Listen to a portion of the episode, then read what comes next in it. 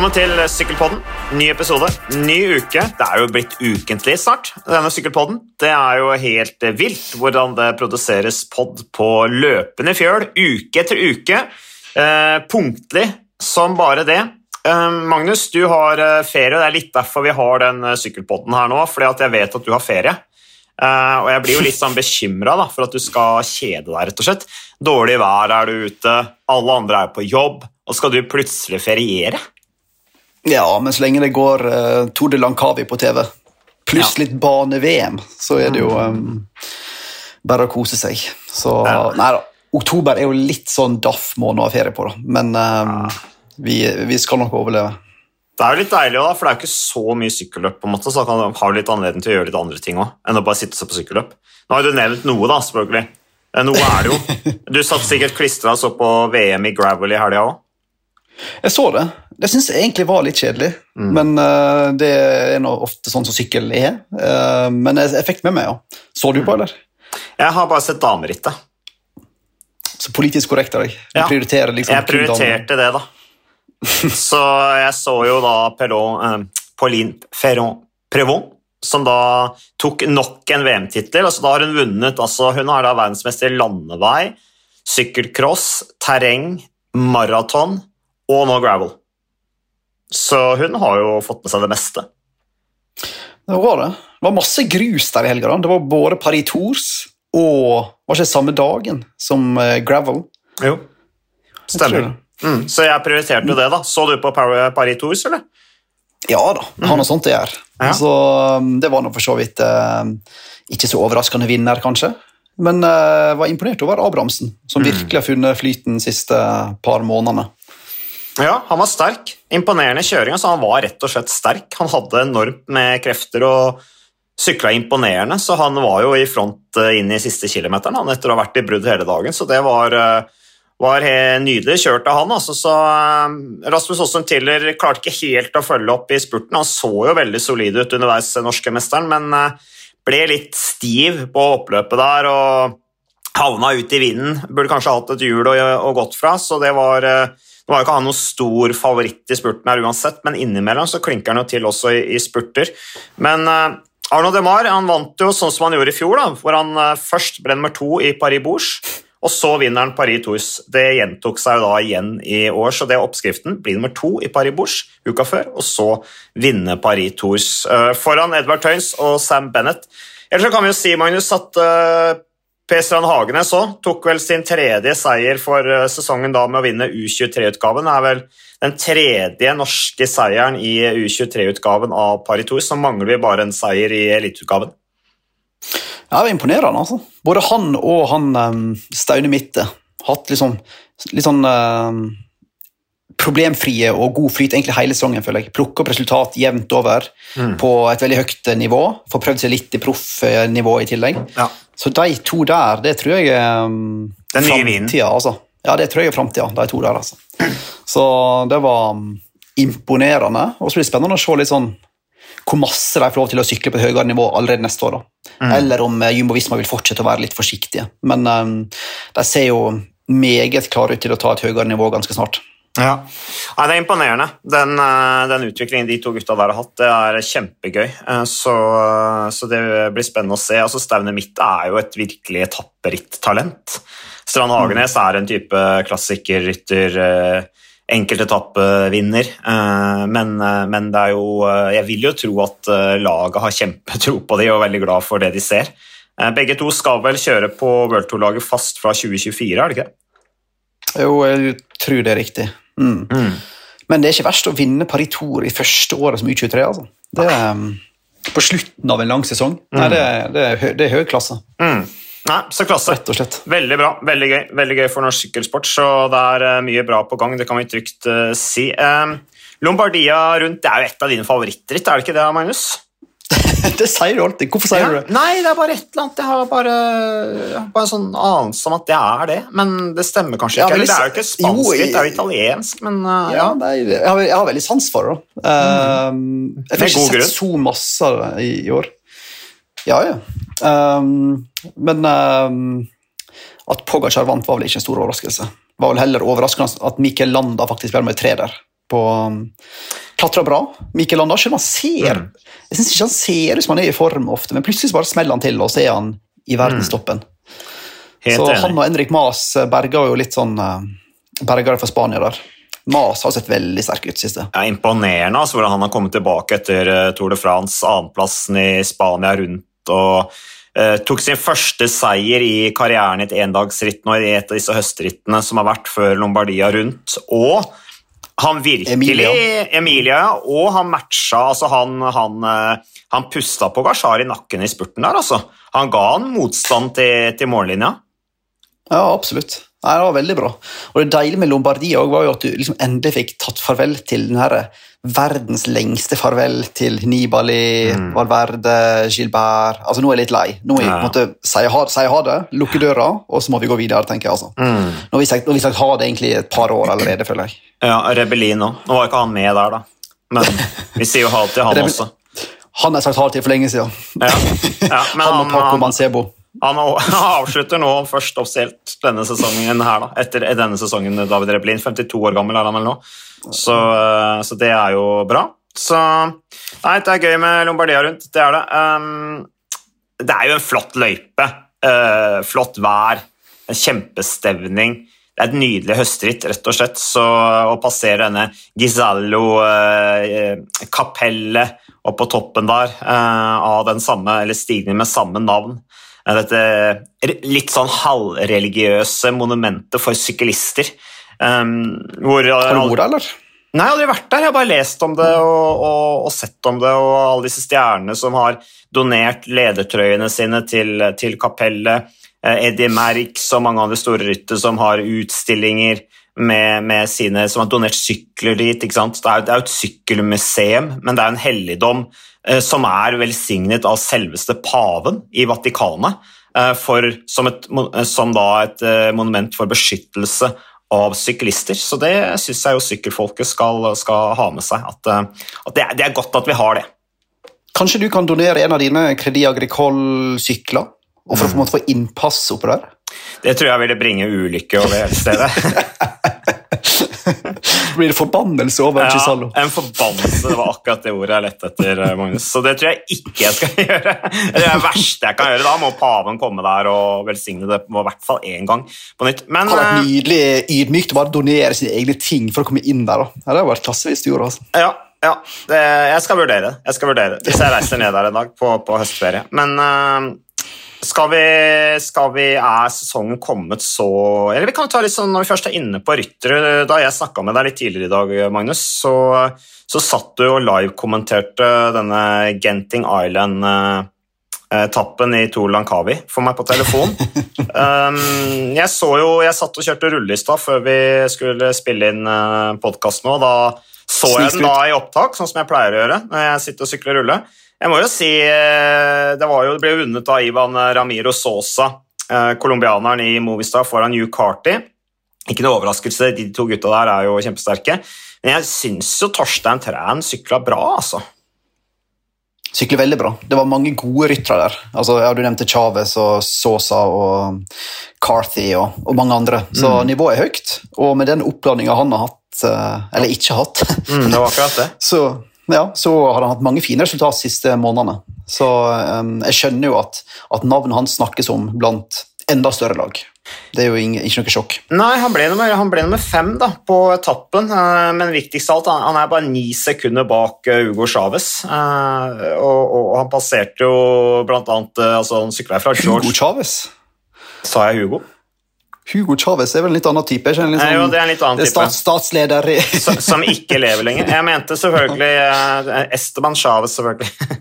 Eh, men, eh, men han sykler fra Sam. George Bednett, for eksempel. Ikke sant? Niklas Eeg, dansken i UnoX, ble for øvrig nummer 12. Så Anton Charming nummer 17. Så fin innsats der av, av UnoX-laget. Roeren Jason Osborne ble nummer eh, 15, Alpezin de König-rytteren, som også synes jeg har sykla veldig bra, det vi har sett av han på, på landeveien i år. eh, Bare for å få en liten avsporing. Men eh, nei, eh, absolutt veldig flott sykling av Torstein Treen, så det er noen eh, solide prestasjoner av de norske rytterne på, på slutten av sesongen. Det du er inne på der, Magnus, er dette med kreftene, kreftdiagnosen han fikk, og som han jo egentlig akkurat akkurat uh, nylig er operert for. Uh, og det er imponerende, og det er noe de snakker om det internasjonale miljøet, hvordan han kommer tilbake. Og jeg tenker på Torstein Træn sin del, han er jo en sånn naturlig talentfull klatrer at jeg vil jo anta at andre lag ser det potensialet, for det, det, det vokser jo ikke flust av klatretalenter, så rene klatretalenter som han rundt omkring. da. Nei, jeg vet, vet det har blitt snakka om hos lag på øverste nivå, men jeg vet ikke om det har kommet til det nivået at en faktisk har tilbudt eh, bedre altså kontrakter. Da. Men jeg vet det har vært snakk om blant ulike agenter på, på World Tour. Mm. Um, jeg vil bare sende en litt sånn der, uh, medfølelse til uh, vår kommentatorkollega i Eurosport, Theis Magelsen. Som, ja. det er jo, Tord Lankavi er jo et ritt med uh, skal vi si, litt sånn av og på TV-dekning. Ja. Så I går der så var det en liten noen halvtime der med litt vel masse magedans og litt sånn skyskraperbilde fra Kuala Lumpur. Da, mm. var det, da, føl, da følte jeg med vår mann som måtte prøve å holde oss underholdt i en halvtime der. Men han klarte det bra. Han er flink Theis. Da, da, gjelder det å være oppdatert på magedans fra Kuala Lumpur. Noe selvfølgelig Theis Magelsen er. Nei da, men um, tilbake til treninga. Nei, han, han, blir, han, blir, værende i UnoX. Men um, ja. absolutt, resultatet hans har vekt interesse, annet det han gjorde i Catalonia rundt i, i vår. Mm. Så um, hadde en god figur der. Så, ja, og så er det noe med å sende de riktige rytterne til de riktige rittene. Eh, jeg tenker at For Torstein Træna så er det om å gjøre å kjøre mest mulig hardcore klatreritt. altså. Eh, det er på en måte det som er, passer han bra. Så er det innimellom selvfølgelig sunt å få litt annet type terreng og litt annet type miljø for å, for å herdes litt, sånn, sånn, eh, som for å bli litt mer robust som sykkelrytter. Men, men, det er jo klart det er viktig for han at Uno X får noen invitasjoner til skikkelig klatreritt i, i 2023. Men apropos UnoX, Magnus. Hva vet vi om, eh, om laget til, til UnoX eh, neste sesong? For det, noen, noen, endringer må det vel bli der også? Ja, um, det er jo, vi kan begynne med det er mange som har spurt om Kristoffer um, Halvorsen. Hva som har skjedd der. Han har ikke mm. sykla ritt siden, siden juni. Uh, han er med neste år, men han um, har hatt jeg tror han har tre runder med covid. det er litt heftig. Uh, mm. Så brakk han et par uh, ribbein i var det Dvarstor het Hageland, eller et av rittet rittene i Belgia i juni. Um, Så han har liksom aldri kommet seg i gang, og bestemte seg bare for å ta um, sesongpause tidlig. da. Jeg har ikke snakka med han sjøl på en stund, men sånn jeg forsto det på ulike lokalaviser. Um, mm. Så han er med videre. Eh, det er jo ikke Christian Kulseth som skal over i en slags trenerrolle. Ja. Eh, danske Morten Hulgaard skal vel legge opp. Mm. Eh, så forstår jeg vel at, at Tore Sleen og Lars Saugstad ikke fortsetter. Og så mm. er jeg litt usikker på Iver Skårseth. Men de er vel mer eller mindre ferdige på en måte med, eller satt stallen for neste år UnoX, med mindre noen sånne ja, overraskelser skulle dukke opp markedet. Ja.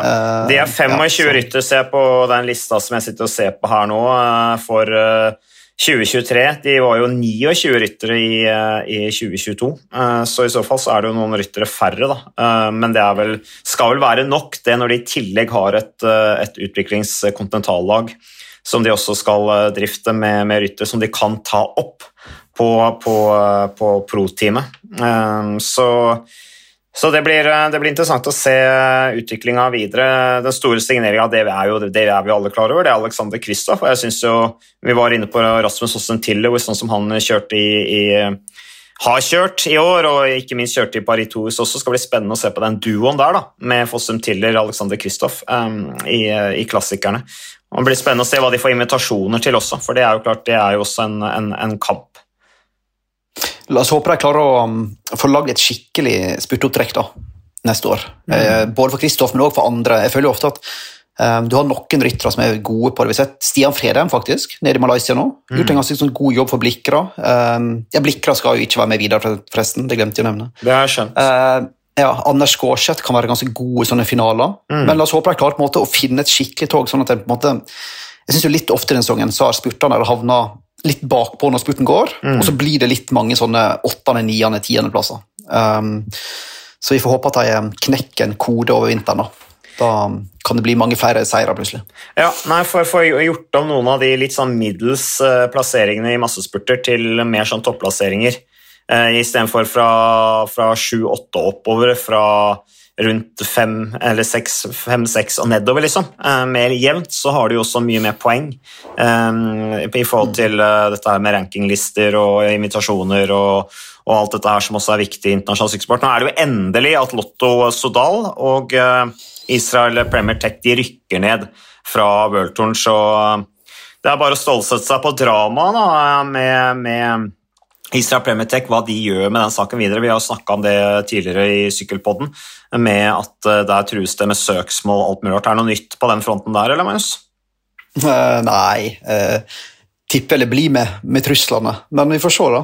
Det blir spennende å se hva som skjer med Jakob Folsang og en del av rytterne som liksom har vært ute og meldt at pro-team-nivå ikke er noe for dem. Mm. Uh, ikke at Folsang skal til UnoX, altså, men, men det kan jo komme et par storfisker plutselig på markedet som har lyst til å, å switche om. Og så er jo Mark Cavendish i framtid fortsatt litt uavklart, selv om det virker som om BHB har i hvert fall en god mulighet til å hente han. Mm. Um, så det er fortsatt litt som kan skje der. Um, så, men eh, Lotto har vel klart å beholde de fleste, tror jeg. Jeg tror ikke de er så bekymra for um, om de må ned et hakk.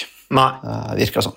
Nei. De er jo invitert til det meste uansett. Så mm, mm. Det er jo et nedrykk med, med benefits, for å si det på den måten. Oh, ja, du mener det? Nedrykk med benefits? Nei, ikke minst benefits, men iallfall du har eh, det er ikke det er ikke som at du rykker ned fra Premier League til Championship. Nei. her kan du fortsatt delta litt i Premier League. da, mm. for Lutosdal. Ja, klart det. klart det. Men uh, Magnus, nå som sesongen er liksom så godt som over um, Skal vi driste oss til å kåre årets rytter eller, på herre- og damesiden i 2022? Hva er din dom? Oi, ja, Hvis du kan begynne, så kan vi gjøre det. Jeg må bare få liksom, noen få sekunder betenkningstid. Så hvis du kan begynne, så kan jeg kontre. ok? Ja, Vi hadde jo månedens rytter da forrige, forrige podkast. Eh, da endte jeg oppe på han dansken, hva heter han igjen? Han uh, i Trekk Segafredo. Um, Skjellmose. Skjellmose, ja, som en klar ener der i september. Du var litt uenig med meg i det, uh, og kom med dine argumenter på hvorfor. Jeg, jeg, jeg, jeg, hører de, jeg hører de. Men når det gjelder årets rytter da, på herresiden, så mener jeg at det er Tadje Pogacar. Altså, han har 54 rittdager, 16 seire denne sesongen. og Da er det jo bare å nevne Lombardia, Montreal, han har vunnet Tireno Adriatico, Strade Bianchi, tre etapper i Tour de France, ble to sammenlagt i samme rittet. Han har ni pallplasser i tillegg, pluss elleve topp ti, og ble jo også nummer fire i Flandern rundt første gangen han deltar der. Nummer fem i Milano San Remo.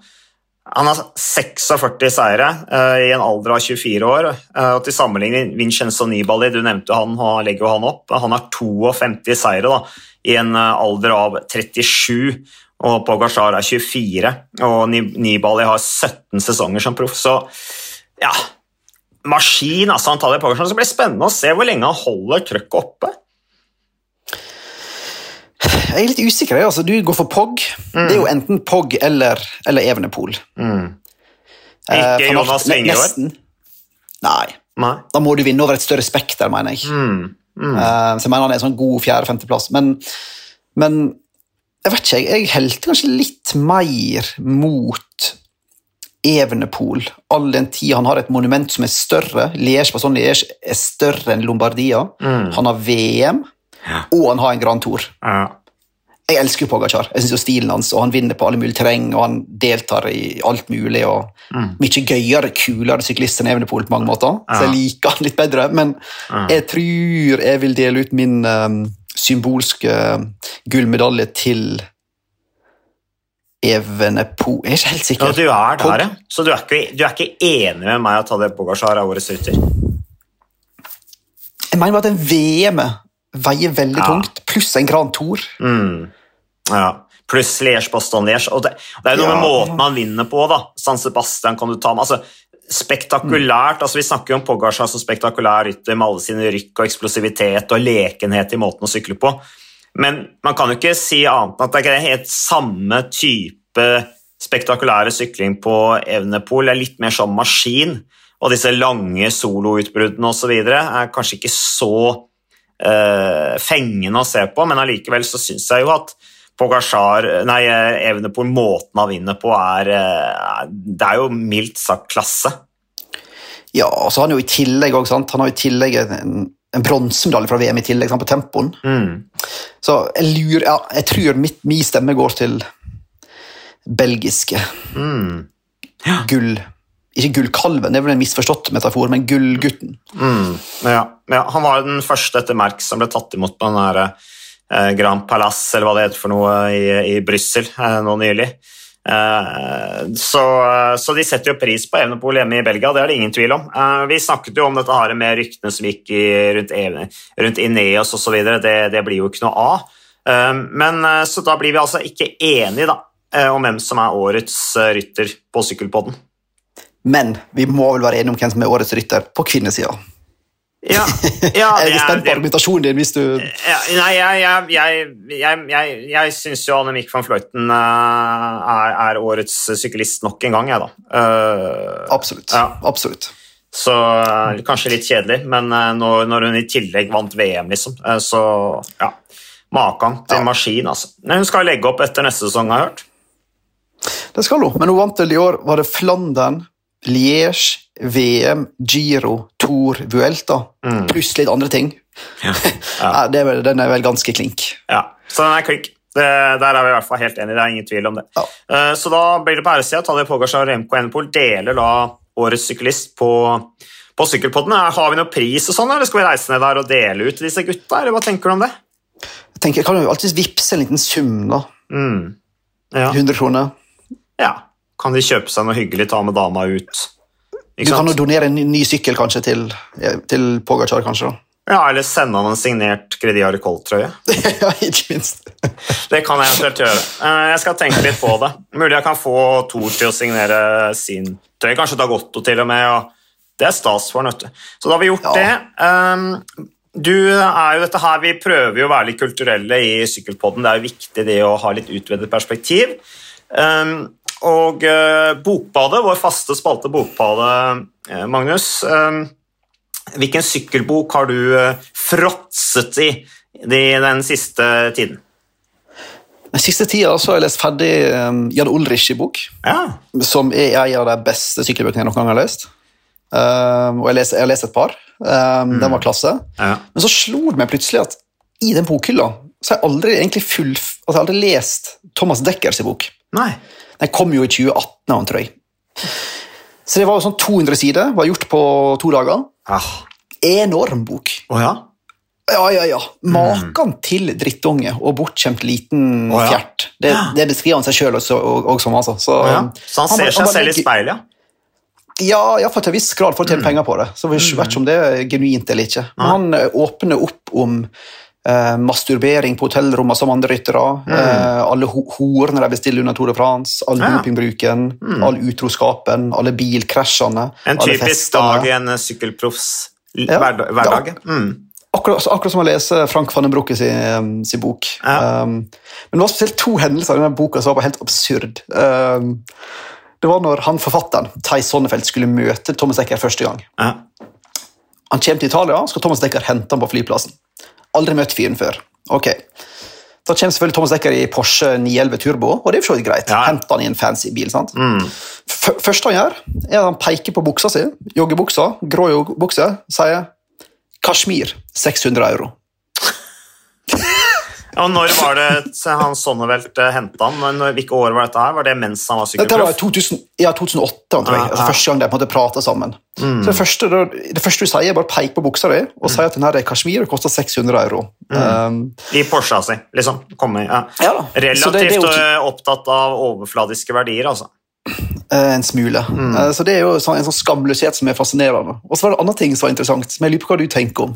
Det var når han på en måte skulle begynne systematisk doping. Mm. Ja. Systematisk bloddoping. Ikke bare sånn pingledoping, men gå all in på EPO og dynepo. Og... Men han jobba med Fuentes, gjør han ikke det? Ja, ja da, fortell masse om det. Mm. Men så, men så forteller han om at før han begynte på det, så ville Jacques Hanegraf, han tidligere Unibet-sjefen, som var manageren for Ulrich, Mm. Han ville ha en middag med foreldre til Dekker og Dekker på en restaurant. Og da var det akkurat som han ba om lov, eller en slags sånn tillatelse. Han sa at eh, skal sønnen deres bli best i verden, så må vi gjøre enkelte ting. Vi må kanskje krysse ei grense. Sa aldri ordet doping, men han fikk på en en slags bekreftelse fra foreldre på at ok, dere er innforstått med det, Mm. da kjører vi på. Mm. er ikke veldig rart at du på en måte skal be foreldre på en måte om en slags eh, Jeg tenkte her var noe du gjorde litt i skjul og gjorde på, i, et mørkt, i en mørk bakgate. Aldri hørt om lignende. Nei, det veldig spesielt. Men det kan jo være Sjakangengraf da har dårlig samvittighet, da, at det letter på samvittigheten hans at han skal dra sønnen ut i dette her. Eh, nå var jo det for øvrig i enkelte miljøer ganske vanlig, så at han skulle gjøre det så omstendig, det, det Jeg har aldri hørt om lignende. Eh, men, eh, men eh, at Thomas Dekker var så på en måte snobb, som det du beskriver òg, det, det, det var jeg ikke klar over. Eh, men at han var en sånn Han sykla jo på den tida jeg var proff òg. Han var jo en skikkelig rock'n'roll-type. Eh, som- Han, han var jo en av de absolutt kuleste gutta i feltet, liksom. Um, uh, så det Og så husker jeg at han tok seg veldig av de som kom tilbake fra dopingdom. Eh, og det er ikke noe vondt i det. Jeg bare husker han hadde veldig sånn sto mye og snakka med Tyler Hamilton og tok seg av Tyler Hamilton. Jeg husker vi kjørte vidt jeg bare sto og observerte de før start en gang. Liksom, eh, det var jo litt sånn Er man eh, nå, nå er jeg klart jeg, jeg, jeg har veldig sans for at man, at man tilgir og, og ikke dømmer folk for evig og alltid, men det var noe med liksom Når jeg selv var syklist, så var ikke jeg sånn kjempeglad i, i de som kom tilbake fra doping. Jeg hadde ikke noe tillit til de, på en måte. Uh, Nei, jeg, I etterkant så jeg, så har jeg fått et mye mer sånn rundere forhold til det. Jeg liksom bryr meg på om det ikke er så det, er altså, jeg, det, det, tar, det er ikke så personlig da, lenger som det det var den gang. Uh, men jeg Nei, var, men ikke sånn, jeg var ikke keen på å snakke med tidligere dopere, liksom, uh, når jeg selv var prosyklist. Nei, jeg skjønner godt. Og for, for den tida du beskriver der, så hadde jo fortsatt ikke Thomas Dekker lagt alle korta på bordet. Tyler Hamilton fortsatt litt sånn i denial på enkelte ting. sant? Det var når han Han sykla i Tinkoff, dette. eh, Hamilton. Han forteller jo om, om flere byturer han og Hamilton hadde ute i lukka, og kunne godt svi av han sa ofte 35 000, 40 000 euro på en kveld. Så, så det er liksom helt sånn en verden som Og så kjører du bil opp til, i fylla hele tida og krasjer. Og, Mm. Er en helt sånn livsstil som er helt eh, fascinerende. Så den, den bør en lese. Thomas Dekker, The Descent heter den. Altså utfor bakken. Mm. Mm. Enkel og lettlest bok som um, ja. Ja. Hvis du har lyst på kasjmirbukse, i hvert fall, så kan du jo få en liten sånn advarsel. Det var absolutt anbefalt. anbefaler tenker tenke Altså. på Thomas Dekker som eh, Jeg tror det er bedre at vi tenker på kasjmirbuksen og alt det andre du ramsa opp i starten. Men eh, ja, det er deilig, deilig for disse gutta da, som blir nevnt med navn der, at de har omgått eh, Thomas Dekker i sånn type selskap, som du Ja, tenk, refererer til her. jeg tenker jo når, jeg tenker når han liksom forteller om hvordan Steven de Jong på en måte ønsker velkommen på laget med en slags um, um, gruppe Prøve å være smakfull her. En slags gruppesession i Grupperunk. Ja. Mm. Når han forteller om det, så tenker jeg sånn Tipper Steven de Jong sitter hjemme og kanskje syns det er litt kjedelig at dø- dø- døtrene hans eller hvem det er, leser liksom sånne ting. da. Og Michael Bogert var forbanna på han i ti år. sant? For Han ble utlevert med alle disse horebestillingene, og at han hjalp han med doping. og Han hadde kontakt i Slovenia, han fikk doping fra som han ga videre. altså, Han outa jo alt. Så jeg skjønner jo, jeg kan skjønne begge sider. da. Men Ja. god lesning blir det iallfall. Ja. Men det, ja, nei, det ja, Steven de Jong han er sportsdirektør i Trekksteg av Fredag er han ikke? Ikke Markus, Holgaard måtte gjennom det samme da, når han kom over til Trekksteg av Men, eh, men over til noe annet. Um, eh, vi må jo videre i agendaen her, eh, Marius. Men det er i hvert fall flott beskrivelse av eh, det er en bra Takk. gjennomgang av Bokbadet. Eh, terningkast på disse to bøkene, Ulrik-boka og Dekker-boka. Ulrich eh, sekser, kanskje. Mm. Faktisk. Eh, for den beskriver på en måte DDR-system, og altså, det er sånn ekstremt eh, vel undersøkt bok. Eh, Thomas Dekker sin er en fire-femmer. Å ja, ok. Ja. Mm. Så Ulrik-boka får bedre ternekast. Selv om du Ja, snakker med mye sånn- mer begeistring over boka til, til, til Thomas Dekker. Kjenner deg mer igjen der, kanskje. Så, men ellers er det Vi har snakka om Lakavi. Litt nyheter, Magnus. Du er en rev på nyheter. Eh, Vi var innom Movistar. De har hatt en flott høstsesong. Eh, De har jo reddet eh, World Tour-lisensen sin med god margin gjennom den flotte syklingen de har gjort i høst. Eh, Blant annet takket være flott eh, innsats fra en Henrik Mass, som kom tilbake etter et veldig kjedelig Tour de France, hvor han ble, også ble covid-syk, slitt mye med utforkjøring osv. Men de har jo da eh, signert eh, eh, denne unggutten, hva heter han for noe? Romeo eh, Ivan Ivan Romeo. Romeo heter han. Ivan Romeo. Um, ja, eh, de henger seg litt på den trenden da, med å, å, å snappe opp eh, unge ryttere før de hentes andre steder. De har liksom lært klok av skade etter å ha gått glipp av Juan Ayuso og Carlos Rodriguez. Så får de signaturen til Ivan Romero, som er født i Valladolid i Castilla-León, samme sted hvor Tor Huse vant etappet til uh, i Welta Castilla León i 2003, faktisk. Um, syklet i dette Hagen uh, Bearman Action-laget. Um, jeg setter på resultatene hans. Han brøyt jo både tempo og landeveisritt i Wollongong. Jeg vet ikke hvorfor. Uh, har en åttendeplass fra EM i tempo, men uh, slik du har fått med, så er uh, spansk sykkelsport veldig begeistret for Ivan Romeo, selv om resultatene hans er ikke noe sånn helt oppsiktsvekkende, syns jeg. Nei, jeg er helt, helt enig, Eh, men han vant jo liksom Han tok vel dobbelen i, i fjor i spanske mesterskapet. Han vant til både fellesstart og tempo. Ja, som junior, ja. så fikk, ja, så fikk han på en måte et veldig stort navn, og så var det snakk om å sende han til Movistar egentlig allerede fra i år, men så endra jeg på planen og ga han ett år til på pro-teamnivå. Eller kontinentale, eller faktisk Hagens Berman på. Mm. Ja, Eh, stemmer det. Ja, de er nede. Og det, og det tror jeg han har hatt godt av, for det ja. som du sier, han har ikke hatt de store resultatene i år. Um, vært litt skadeplaga, men um, han snakkes veldig høyt om blant de spanske, ja. Absolutt. Så jeg, jeg vil nesten bare stole på at der er det et eller annet spesielt, da. Siden de er så opptatt av å prate om han eh, opp og ned i de ulike avisene. Ja. Det er jo, det blomstrer jo litt i spansk sykkelsport nå, da, Magnus, du som har et hjerte til spansk sykkelsport, med uh, Ayuso, eller nevnte Ayuso og Rodriguez, uh, Henrik Mas som nå på en måte vokser veldig plutselig i rollen som kaptein i, i Movistar når Valverde så endelig er på vei ut. Eh, hva, hva sier dine venner i Spania om dette? Um, bare en ting, Jeg bare så på notatene mine. Jeg ser at han, Ivan Romeo ble påkjørt på trening 30.12.2021, altså rett før nyttår, Mm. og brakk ribbein og fikk en veldig tung start på sesongen, så det kan jo forklare litt at han uh, kanskje ikke hatt de store resultatene. Ja. Um, men nei, ja, absolutt renessanse. Og når du ser Landa og Mas på slutten der med andre- og tredjeplass i Lombardia, så um, er det jo bedre tider, da. Men um, det er jo snakk om en slags renessanse, men det er ikke så mange av dem, da. Nei. Det er Ayoso Rodriguez som nevner, og så er det snakk om at Marcos Freire, sønnen til Oscar, som begynner å bli litt eldre nå, kan Ja. være superstjerne når han blir han blir god og litt eldre. Og så er det Romeo og et par andre. Men uh, jeg synes jo Hvis du ser på en måte på Burgos, Euskaltel og Caja Rural og alt sånn Det er som på en måte grasrota i hermetegn. Mm. Jeg syns det er ganske masse ugress, for å bruke en, Ja, nei, en Håpet er jo da at de gutta der skal få så gjennombrudd at det skal bli en, på en, måte, en oppmerksomhet rundt sykkel kanskje i spansk media igjen, som jo da stimulerer grasrota i Spania. Eh, Det er vel håpet, uh, at du skal få da, flere spydspisser, sånn som de har hatt flust av i, i spansk sykkelsport eh, over, eh, over lang tid? Med, med Delgado og Indorein og Valverde og, og alle disse her som har gått foran, og som har skapt veldig begeistring og, og, og bidratt til rekruttering. Så det er vel håpet, da, at de skal få fram noen sånne spydspisser. Men eh, du, bare litt om resultatene til han Romeo, da, som er en av hotshotene i spansk sykkelsport. eh, det er ikke offisielt ennå, vel, men han, eh, det sies at han skal, skal få en kontrakt med Movistar eh, til 2025 eh, fra neste år. Han ble nummer sju sammenlagt etter International Rådos Tour. Da var han 42 sekunder bak Louis Bendiksen, Coop-rytteren fra Danmark, og var også plassen bak da Torbjørn André Rød, som sykler dette Jo- Joleo Testteam, Team, nordmannen. Så de har vært oppe der og fighta med det spanske supertalentet. Men eh, apropos eh, Spania og Movistar, eh, Magnus.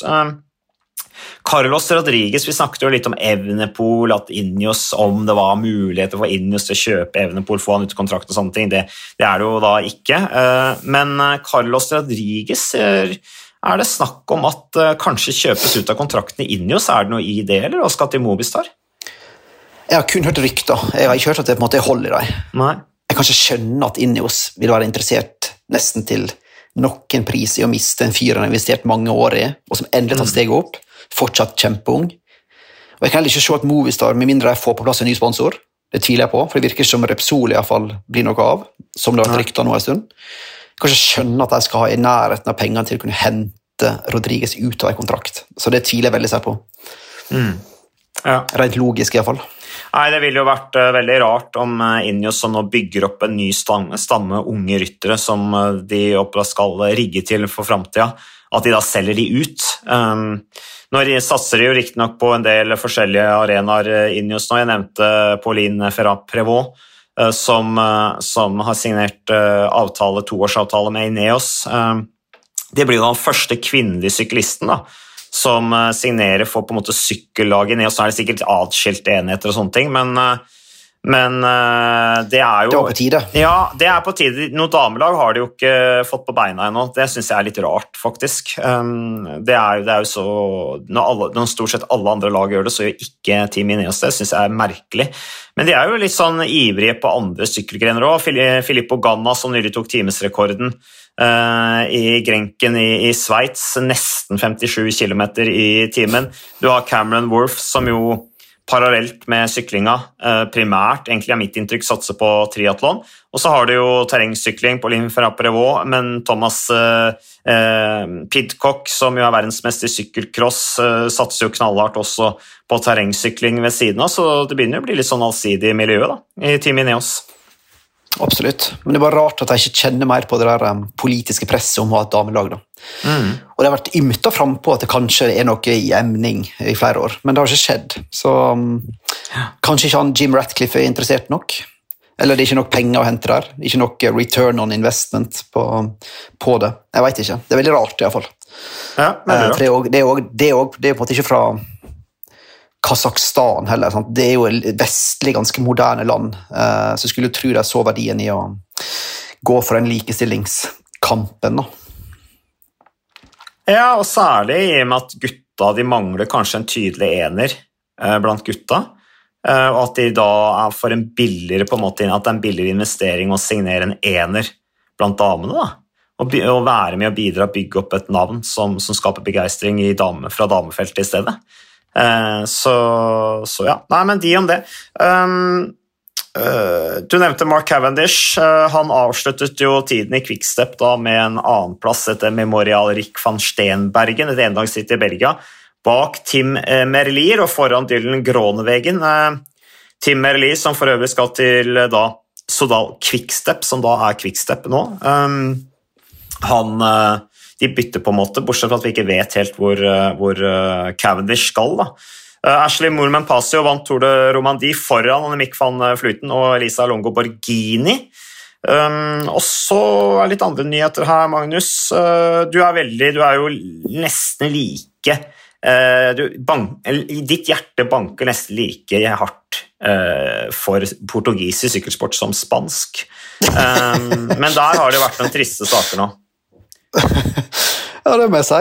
Det var vel um, sju stykk fra V52 Porto, det beste laget der nede, som uh, fikk utstengelser. Ganske lange, mm. alt fra tre til sju år.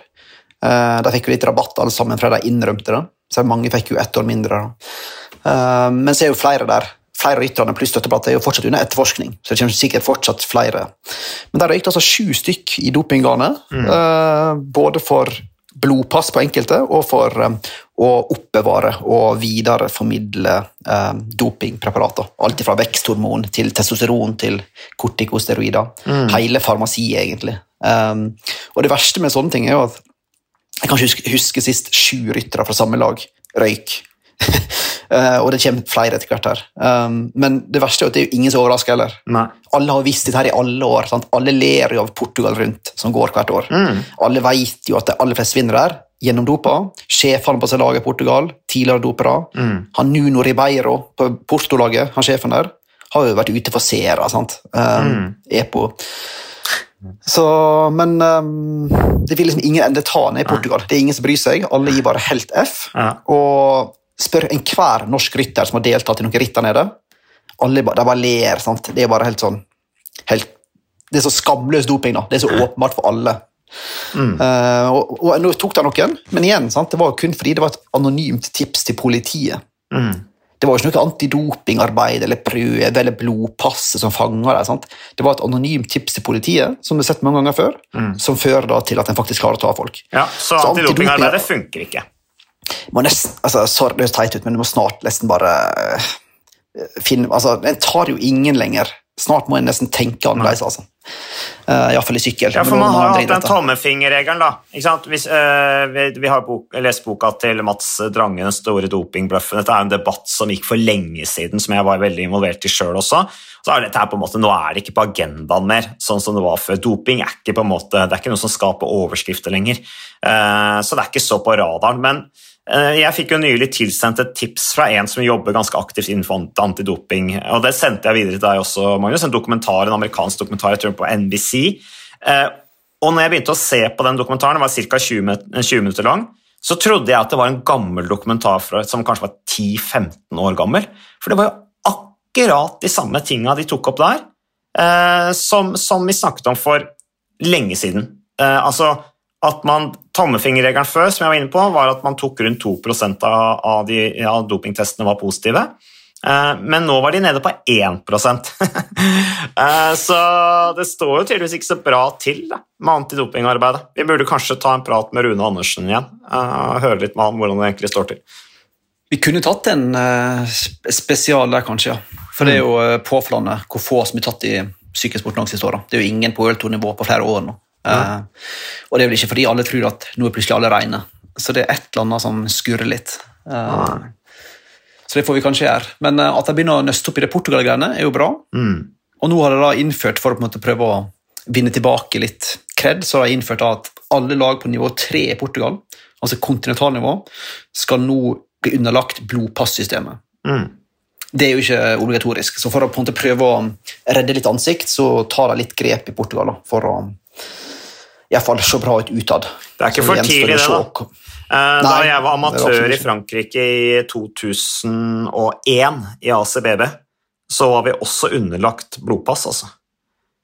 2001, for å ha lisens i Frankrike. Så blodpasset som proff var jo helt opplagt fra 2003, liksom. men allerede som amatører i ACBB i 2001 så var vi, hadde vi blodpass, eller altså den form for blodpass som eksisterte på den tida der. da. Eh, Det var liksom kartlegging av testosteron, eh, blodverdier, de tinga der, eh, og vi måtte levere tre-fire prøver i løpet av året for å ha lisens. da. Så ja.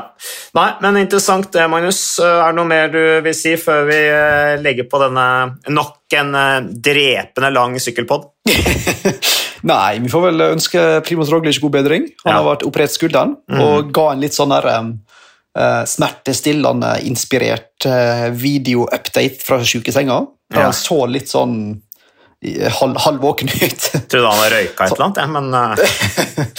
Så han har gjennomgått en skulderoperasjon for å Nå har han hatt så mange skulderskader at nå tror jeg bare tar det med rota. og Jeg skal flytte noen bein fra en annen plass på kroppen opp i skulderleddet på en eller annen måte for å fikse det. Så han er vel litt redusert mobilitet i to måneders tid, og så rekker han vel å trene seg opp igjen i mellomtida.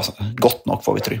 Ja. Jeg bare ønsker han god bedring. Det minner meg på, Magnus, at eh, i september så kom jeg over en sak eh, hvor da Roglic sin personlige fysioterapeut og sportslege dr. Mito Brasic i en artikkel i Sportal, jeg tror det var en, uh, slovensk, uh, et slovensk blad, at Jumbo Visma han mener da denne personlige sportslegen til, uh, til Roglic kan ganske hardt ut mot Jumbo Visma og mener at de har drevet rovdrift på han. da. Peker særlig på Tour de France. Og at Han sier at lagets jakt på seier i Tour de France i år den var viktigere enn Roglic sin helse, sier han. Og, og lagets eh, leger mener han har ikke sjekket han godt nok etter velten på denne Arnberg-etappen, og at Roglic ikke ble diagnostisert på en skikkelig måte, som gjorde at skaden ble verre da før han brøt på den 15. etappen. Og han Brasjik da, eh, beskylder laget for samme slepphendte behandling av, eh, da Roglic slet med kneet under Baskeland rundt i 2022. Så han eh, mener da at laglegene til Jumbo Visma da handler på tvers av deres ed som leger. Så det er ganske kraftig kost, altså. Så man skulle jo tro at det var litt sånn eh, litt turbulent, egentlig, eh, i Jumbo Visma, med tanke på at de der uttalelsene der nådde ut på eteret. absolutt. Mm. Han Brasic jobber han ikke i laget, men han jobber for Ja, som en sånn Roglic, på en måte. Personlig. Ja. Som jo ikke er uvanlig at de har, eh, men de skal jo ha kontakt med Det er det jo ganske sånn strenge instrukser på, at alt sånn medisinsk oppfølging utenom laget det må være i samsvar med, med lagets leger og sånne ting, men her er det tydeligvis litt på, kollisjon, på kollisjonskurs. Da. Men det bare fremstår mer og mer for meg, da, og dette diskuterte vi under Tour de France òg, at Roglic var skikkelig skada altså, i Tour de France, og at han hadde god grunn til å bryte, og at han var en tøffing som kom tilbake. Eh, og at, han, eh, at eh, det var synd han, han velta igjen i Spania rundt, men det er en mann som har fått mye hard medfart, og vi ønsker han masse lykke til med, med da restitusjonen, og at han kommer sterkere tilbake i, i 2023. Så det. Yes. Nei, men takk for innsatsen, Magnus. Takk for at du lyttet på Sykkelpodden. Vi er tilbake med, med Sykkelpodden når det passer oss.